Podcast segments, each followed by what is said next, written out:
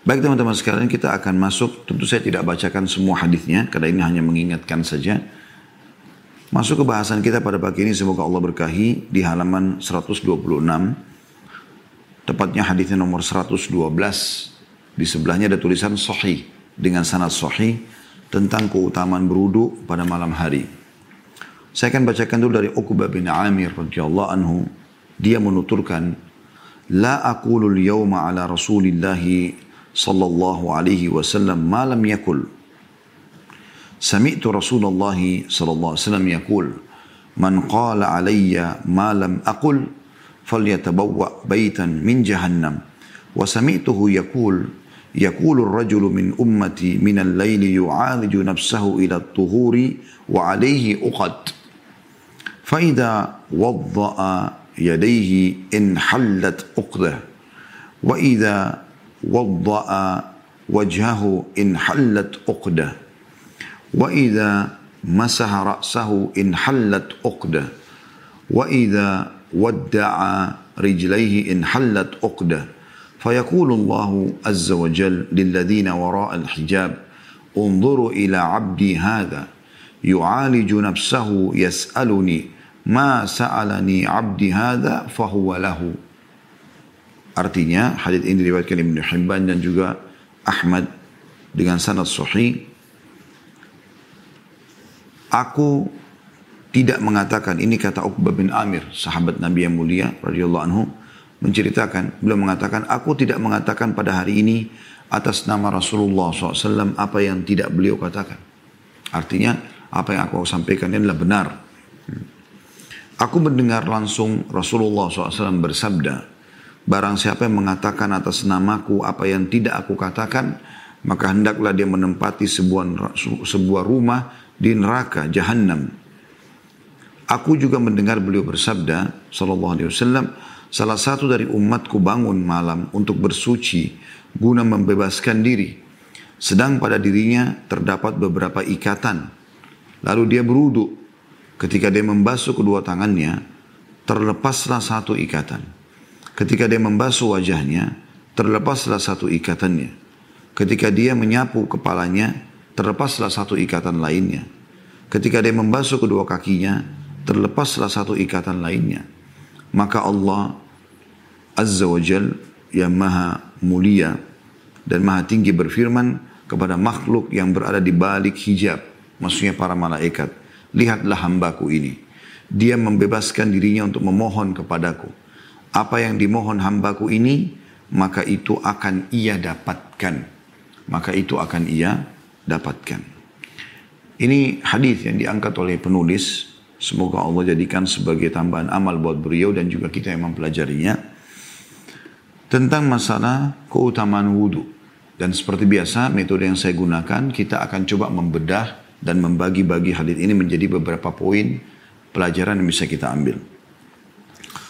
Yang pertama pelajarannya adalah bagaimana sahabat yang mulia Uqbah bin Amir radhiyallahu anhu berkata, "La aqulul yawma ala Rasulillah sallallahu alaihi wasallam ma lam yakul."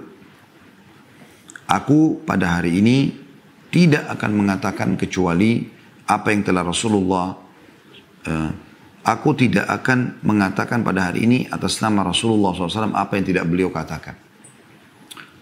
Ini mengandung makna. Maknanya apa? Nanti akan kita jelaskan di lanjutan hadisnya tentunya. Kalau beliau tidak berdusta. Artinya yang saya sampaikan ini dengarkan baik-baik ya. Ambil. Ini jelas dari Rasulullah SAW. Nggak ada keraguan. Itu maknanya. Artinya aku tidak berbohong atas nama Nabi SAW.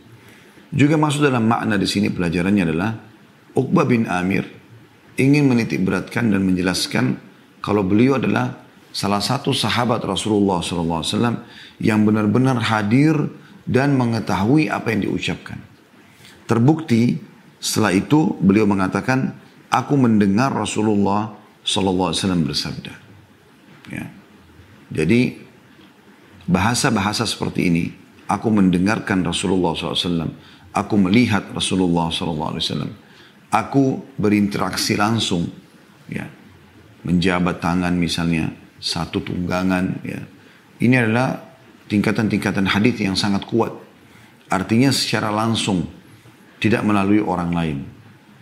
Dan ini menandakan memang beliau ingin menitik beratkan, saya ini salah satu sahabat Nabi. Dan saya dengar langsung apa yang beliau sampaikan, yang akan saya sampaikan pada kalian. Maka dengarkan baik-baik, ambillah pelajaran darinya.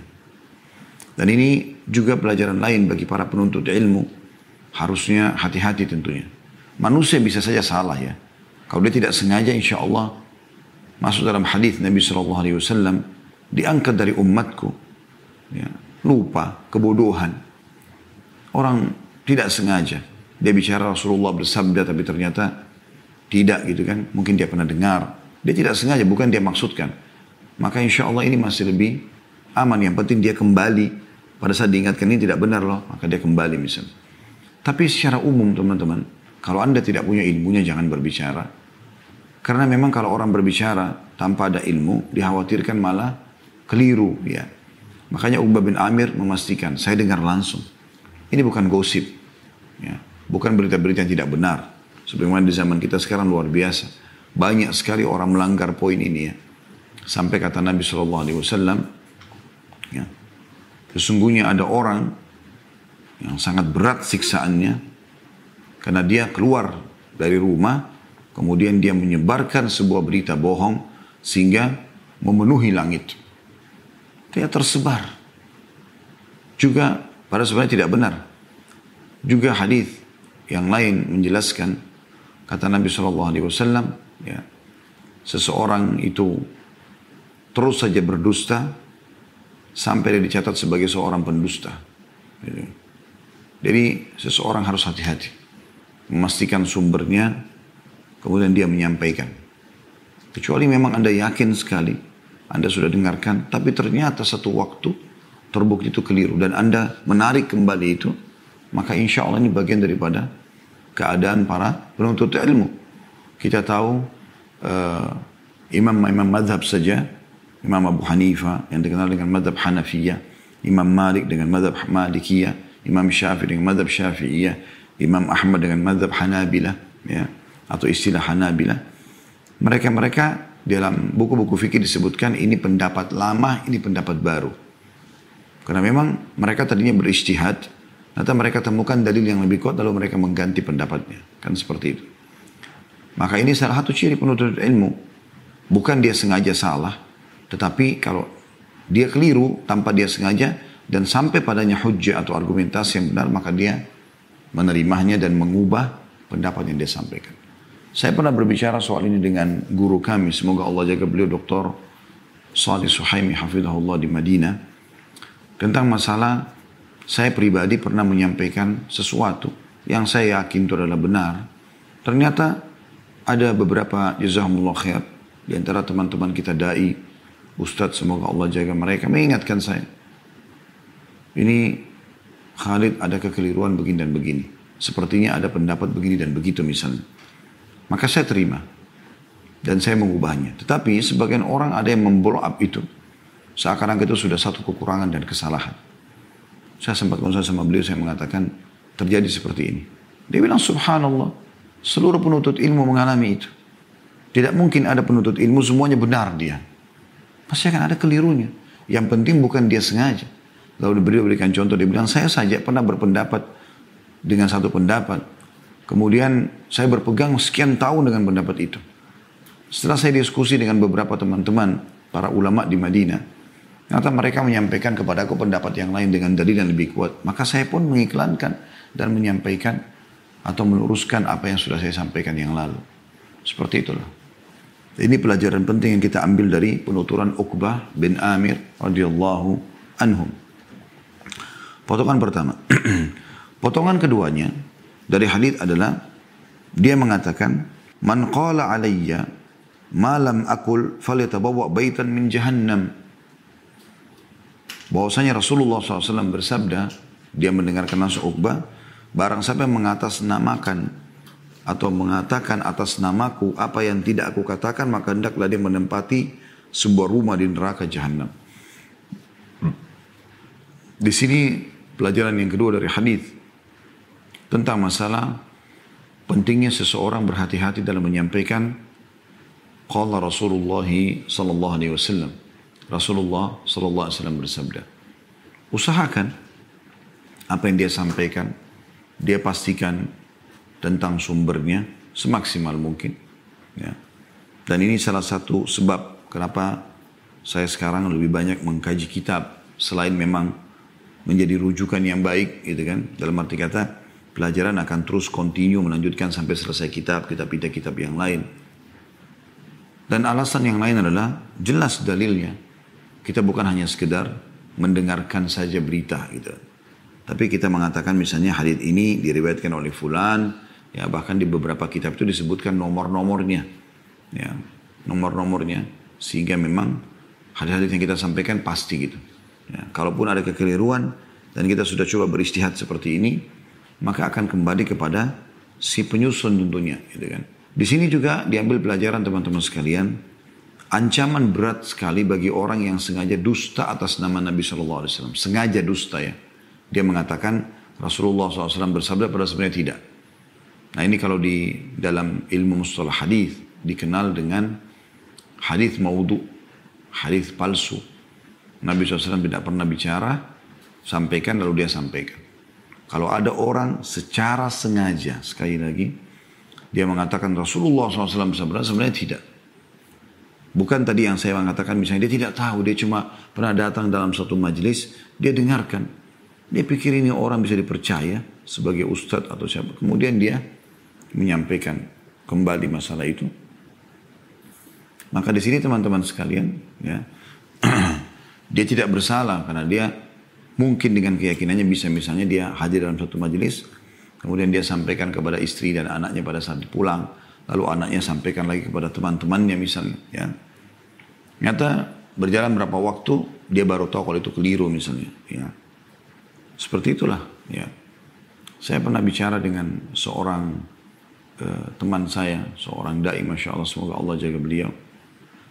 Uh, dia termasuk ngurus penerbitan dan dia bilang, disebutkanlah seorang ulama yang hidup di zaman kita sekarang.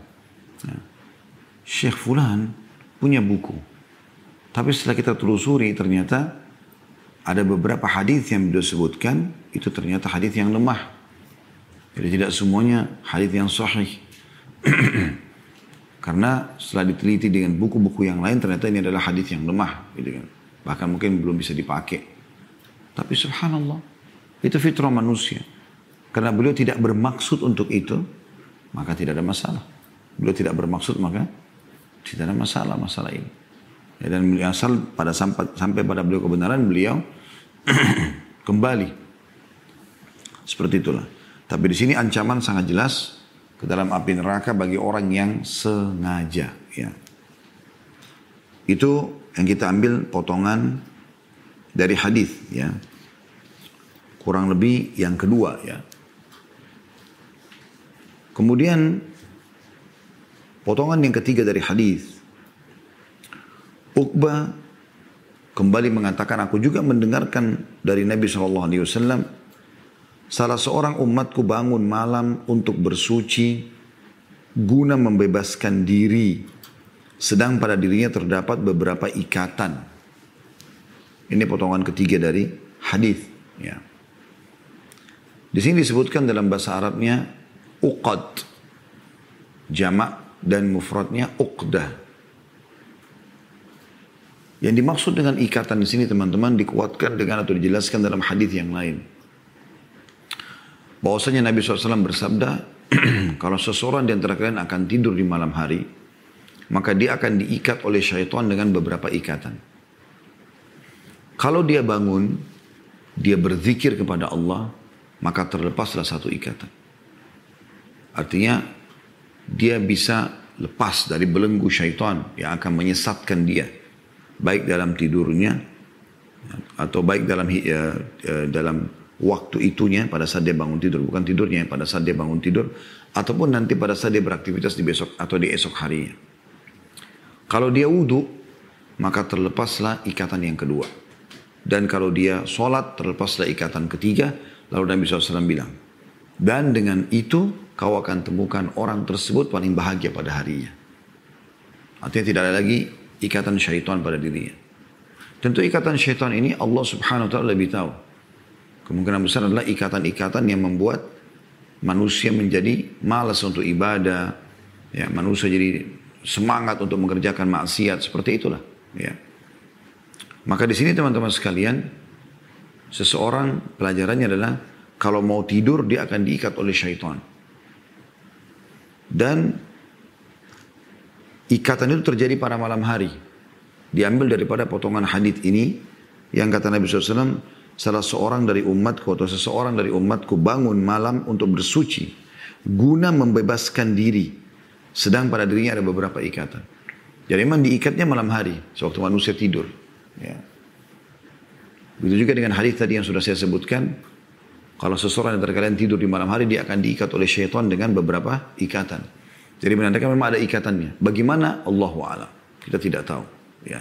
Yang jelas, Nabi SAW sudah menggambarkan ada ikatan dan Nabi SAW juga sudah menggambarkan bagaimana cara untuk melepaskan diri dari ikatan tersebut. Pelajaran selanjutnya, yang keempat dari hadis adalah lalu dia berwudu ketika dia membasuh kedua tangannya pada saat wudhu, maka terlepaslah satu ikatan. Berarti hadis ini menjelaskan ada ikatan di tangan kita. Ada sebuah hadis juga yang bisa dihubungkan dengan ini adalah sabda Nabi SAW kalau seseorang antara kalian bangun di malam hari maka hendaklah dia mencuci tangannya karena dia tidak tahu tangannya itu ya sudah dia letakkan di mana pada saat dia tidur artinya di sini bisa juga bermakna mungkin syaitan ya, akan mengikat tangannya sehingga tangannya atau menggunakan tangannya sehingga meletakkan pada hal-hal yang tidak baik. Ada seseorang dinukil kisahnya di kisah klasik salafus soleh dulu. Pada saat disampaikan oleh seseorang hadith ini, maka dia mengolok-olok, dia sambil mengatakan, memang tangan saya mau ke mana kalau saya tidur? Toh di sekitar saya saja. Gitu. Subhanallah, keesokan paginya dia datang ke majelis itu lagi sambil dia menangis, dia bertobat kepada Allah. Waktu ditanya kenapa? Dia bilang semalam saya sempat waktu saya mengolok-olok hadis itu ya, tentang Nabi SAW mengatakan hendaklah seseorang dari kalian pada saat bangun dia meletakkan ya, dia mencuci tangannya karena dia tidak tahu dia letakkan di mana.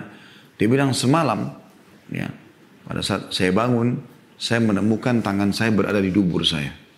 Ya. Jadi syaitan bisa melakukan perbuatan yang tidak kita harapkan tentunya ya di dalam uh, tangan ini.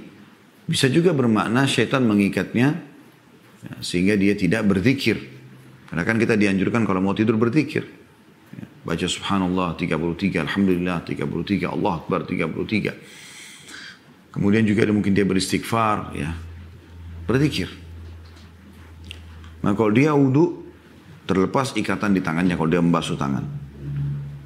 Ketika dia membasuh wajahnya, terlepaslah satu ikatan lagi ya, dari wajahnya.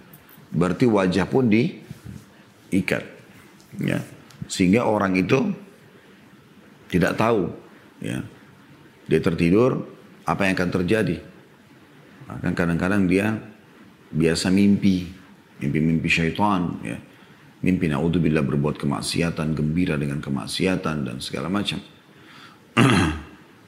Juga ada sebuah hadis yang mungkin bisa dihubungkan dengan ini. Kata Nabi SAW, kalau seseorang di antara kalian bangun, maka hendaklah dia ber, beristinsyak. Istinsyak itu memasukkan air ke dalam hidung. Karena sungguhnya syaitan bertengkar di hidungnya. Gitu kan? Coba teman-teman praktikin, saya pernah praktikin hadis ini. Pada saat bangun di malam hari. Asal memang Anda tidurnya sudah cukup lah. Tiga jam udah cukup sebenarnya. kalau Anda memang masih baru tidur 15 menit, kadang-kadang ngantuk itu masih normal. Tetapi kalau Anda sudah tidur 3 jam, 4 jam, apalagi sudah lebih daripada itu sampai 5-6 jam, seharusnya sudah tidak ngantuk ini ya. Coba Anda praktikin subhanallah untuk menjalankan sunnah Nabi SAW ini, yaitu Anda masukkan air ke dalam hidung, maka ngantuk itu hilang. Terlepas. Jadi seperti air itu mengeluarkan syaitan yang tadinya memang menggoda kita. Dan Allah alam makna lebih tepatnya seperti apa. Tapi yang jelas ini yang disampaikan oleh Nabi Shallallahu Alaihi Wasallam kita dianjurkan beruduk dan dengan membasuh wajah maka terlepaslah satu ikatan.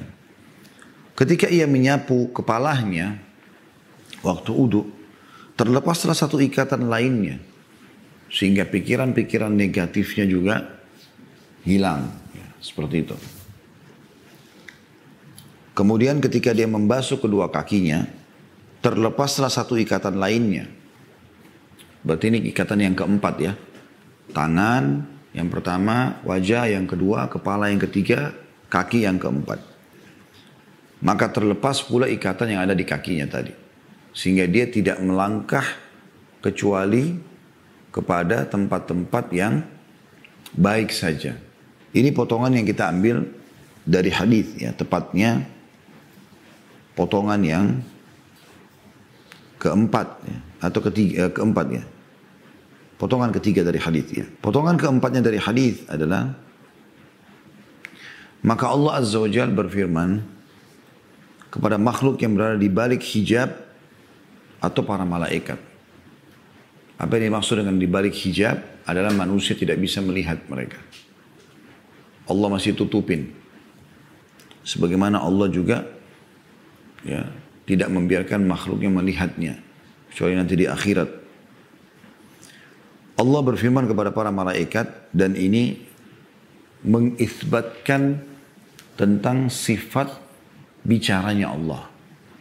Sebagaimana juga Allah berfirman di ayat yang lain tentang Musa alaihissalam. A'udzu billahi minasyaitonir rajim wa Allah Musa taklima. Dan Allah mengajak bicara Musa secara langsung. Begitu juga dengan hadis Nabi Wasallam telah datang kepadaku Tuhanku semalam, gitu kan. Lalu berkata kepadaku, Hai Muhammad, apakah engkau tahu ya, padahal apa yang para malaikat di langit berbicara, berbincang-bincang. Nanti insya Allah akan kita sebutkan hadisnya itu dalam masalah keutamaan wudhu ya. Di sini Allah subhanahu wa ta'ala berbicara dengan nabinya Muhammad sallallahu wa ala alihi wa sahbihi wasallam sebagaimana juga sudah masyhur kasus Isra dan Mi'raj. Pelajaran yang kelima adalah perkataan Allah kepada malaikat, lihatlah hambaku ini, dia membebaskan dirinya untuk memohon kepadaku. Supaya dia bangun di malam hari ini, dia sengaja berwudu untuk membebaskan diri dari godaan syaitan.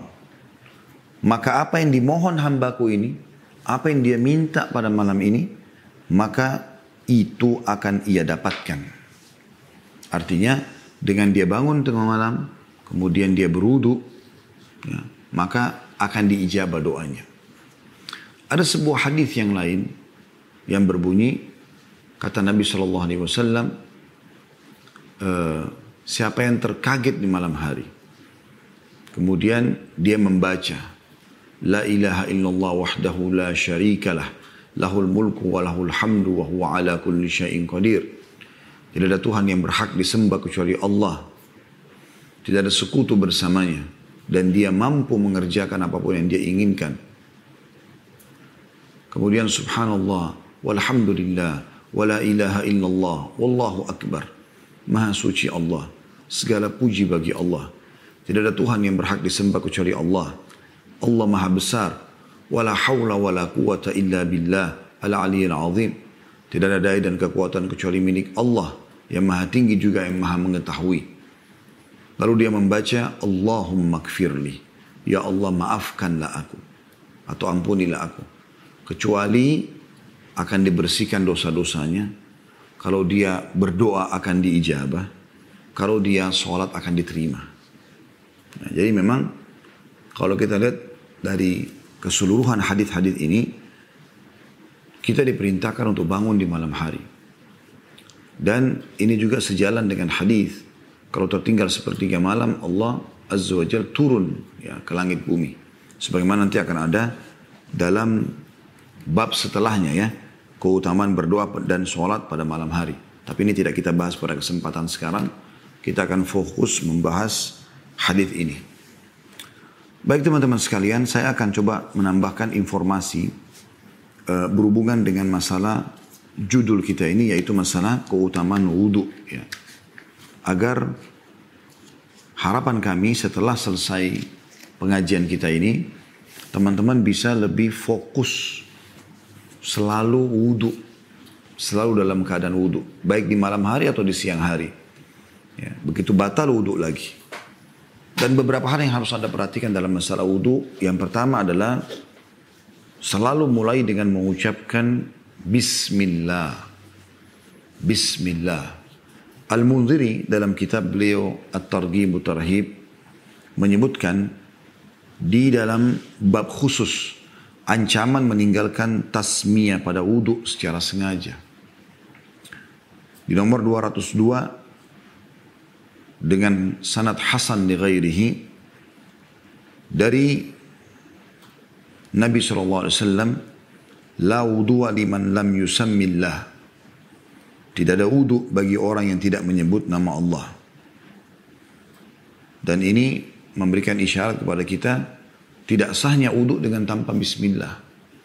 Banyak orang tergesa-gesa. Langsung saja buka keran, langsung wudu. Padahal di sini dikatakan tidak ada wudu bagi orang yang tidak menyebut nama Allah. Di dalam riwayat yang lain juga Nabi SAW bersabda, La salata liman la wudu'a lah, wa la wudu'a liman lam yadhkur ismullahi. Tidak ada solat bagi yang tidak mempunyai wudu dan tidak ada wudu bagi orang yang tidak menyebut nama Allah atasnya. Maka perhatikan baik-baik selalu baca Bismillah. Ya. Ini yang harus anda garis bawahi tentunya. Dan kedua hadith ini uh, disebutkan oleh Mundri dalam kitab Targhib Tarhib dan di tashikan atau disahihkan oleh Syekh Albani. Dan hadis yang kedua tadi ini yang saya bacakan adalah hadis riwayat Ahmad, Abu Dawud, Ibnu Majah, Tabarani dan Al-Hakim juga dan Hakim memastikan sanadnya sahih. Artinya harusnya kita membaca basmalah. Membaca basmalah. Orang kalau sering berwudhu, teman-teman, atau yang kedua, Anda harus memperhatikan tata cara wudhu yang benar. Tata cara wudhu yang benar. Dan ini harus diperhatikan baik-baik. Karena Nabi SAW memastikan kalau wudhu itu harus seperti yang diperintahkan. Tidak boleh tidak. Dan kalau seandainya Anda berwudhu seperti yang dianjurkan, dan dicontohkan oleh Nabi alaihi salatu wassalam maka anda akan mendapatkan keutamaan yaitu dosa-dosa anda akan dibersihkan oleh Allah subhanahu wa ta'ala. Masih hadis yang diangkat oleh Al-Mundri dalam kitab Targhib Tarhibnya di nomor 184 dan ini sahih di ghairihi sanatnya bahwasanya dari Uthman bin Affan radhiyallahu anhu beliau pernah meminta air lalu Beliau berudu, kemudian tertawa. Lalu dia berkata kepada orang-orang di sekitarnya, Ala tas'aluni ma adhakani. Tidakkah kalian bertanya kepadaku, kenapa aku tertawa atau apa yang membuatku tertawa? Faqalu ma adhakaka ya amiran mu'minin. Maka orang-orang di sekitarnya pun berkata, memang apa yang membuat anda tertawa ya pemimpin orang-orang beriman. Ini di zaman khilafahnya beliau ya. Qala Ra'aitu Rasulullah sallallahu alaihi wasallam tawadda'a kama tawadda'tu. Aku telah melihat Rasulullah SAW berudu sebagaimana aku berudu. Eh, atau aku telah melihat Rasulullah SAW berudu sebagaimana aku berudu ini. Thumma dahiqa. Faqal. Kemudian beliau tertawa sambil bersabda. Ala tas'aluni ma adhakaka. Tidakkah kalian bertanya kepadaku kata Nabi SAW. Kenapa engkau tertawa? Faqalu, maka kami pun para sahabatnya bertanya, Ma'adhakaka ya Rasulullah. Apa yang telah membuat anda tertawa wahai Rasulullah? Faqala sallallahu alaihi wasallam, maka Nabi SAW bersabda, Innal abda idha da'a, idha da'a biwudu, fagasala wajhahu, hatta Allah anhu kulla khati'atin asabaha biwajih. Ketahuilah bahwasanya seorang hamba, kalau dia melakukan udu, kemudian dia membasuh wajahnya, maka Allah pun akan menjatuhkan semua dosa yang telah uh, ada di wajahnya. فإذا غسل ذراعيه كان كذلك وإذا طهر قدميه kana kadzalik. Dan bila hamba itu membasuh kedua lengannya, maka demikian pula seluruh dosanya akan jatuh dari tangannya. Apabila dia mensucikan dan membasuh kedua kakinya, maka demikian pula adanya. Juga dalam hadis yang lain, masih disebutkan oleh Al-Mundir dalam kitab Targhib Tarhibnya beliau di nomor 185, bahwasanya Rasulullah SAW bersabda, "Idza tawadda al-'abdu famadmad." Kalau seorang hamba berwudu kemudian dia berkumur-kumur, kharajatil khataya min fih, maka jatuhlah semua dosa yang ada di mulutnya. Faidan faidan tathara kharajatil khataya min anfih. Dan kalau seandainya dia mengeluarkan air yang tadinya dihirup di hidungnya, ya karena kalau dia hirup itu namanya istinsyak. Kalau dia keluarkan istinthar, maka keluarlah seluruh dosa dari hidungnya. Faidah gasala wajhahu kharajatil khataya min wajhi. Dan kalau dia membersihkan atau membasuh wajahnya dengan air wudhu, maka jatuhlah semua dosa atau bersihlah semua dosa dari wajahnya. Hatta takhruja min tahti ashfari ainaihi sampai dosa-dosa itu jatuh dari ya kelopak matanya ya atau pelupuk matanya yang terjemahannya. Faida ghasala yadayhi kharajatil khataya min yadayhi dan kalau dia membasuh kedua tangannya maka akan jatuh semua dosa yang dilakukan oleh tangannya hatta takhruja min tahti alfari yadayhi sampai keluar semua dosa-dosa itu dari ujung-ujung kukunya. Faidah masaha bi ra'sihi kharajatil khataya min ra'si. Kalau dia mengusap kepalanya, maka akan bersih ya, semua dosa yang ada di kepalanya. Hatta takhruja min udhunaihi. Sampai keluar dari kedua kupingnya. Faidah gasala rijlaihi kharajatil khataya min rijlaihi. Dan kalau seandainya dia membasuh kedua kakinya, maka akan keluar semua dosa-dosa kakinya hatta takhruja min tahti alfari rijlaihi sampai keluar dari seluruh kuku-kuku kakinya. Thumma kana masyuhu ilal masjid wa salatuhu nafilah. Kemudian jalannya dia menuju ke masjid dan sholatnya adalah tambahan pahala baginya. Jadi ini kita bisa lihat bagaimana keutamaannya. Ya. Dan hampir banyak sekali hadis yang mirip serupa dengan ini. Akan menjatuhkan semua dosa-dosa. Belum lagi teman-teman sekalian, kalau Anda ya, menjaga wudhu ini dengan baik, ya, maka dia akan menjadi penyebab Anda dikenal oleh Nabi SAW pada hari kiamat nanti. Di dalam sebuah hadis juga disebutkan oleh Mundari di nomor 177 masih dalam masalah wudhu bahwasanya Abu Hurairah berkata radhiyallahu anhu satu hari pernah Rasulullah SAW mendatangi kuburan. Lalu beliau berkata di depan kuburan itu, Assalamualaikum dara qawmin mu'minin. Semoga kesejahteraan diberikan kepada kalian wahai penghuni negeri orang-orang beriman. Kuburan maksudnya. Wa inna insyaallah bikum min qaribin lahikun. Dan kami waktu dekat insyaallah akan menyusul kalian. Wadittu anna qad ra'ayna ikhwanana. Aku ingin sekali kita bisa melihat saudara-saudara kita. Qalu maka para sahabat berkata, awalasna ikhwanaka ya Rasulullah. Bukankah kami adalah saudara-saudaramu ya Rasulullah? Qala antum ashabi. Maka Nabi SAW bersabda, kalian adalah sahabat-sahabatku. Wa ikhwanuna alladhina lam ya'tu ba'd. Sementara saudara-saudara kita adalah orang-orang yang belum datang. Belum ada yang tidak ikut menjadi sahabat Nabi. Ya seperti kita ini. Ya. Qalu, kaifa ta'rifu man lam ya'ti ba'd min ummatika ya Rasulullah? Maka mereka pun bertanya para sahabat, ya Rasulullah, bagaimana anda mengetahui atau mengenal mereka yang belum datang dari kalangan umat anda? Faqala ara'aita law anna rajulan lahu khailun gurrun muhajjal atau muhajjalah baina dhahrai khailin duhmin buhun. Ala ya'rifu khailah?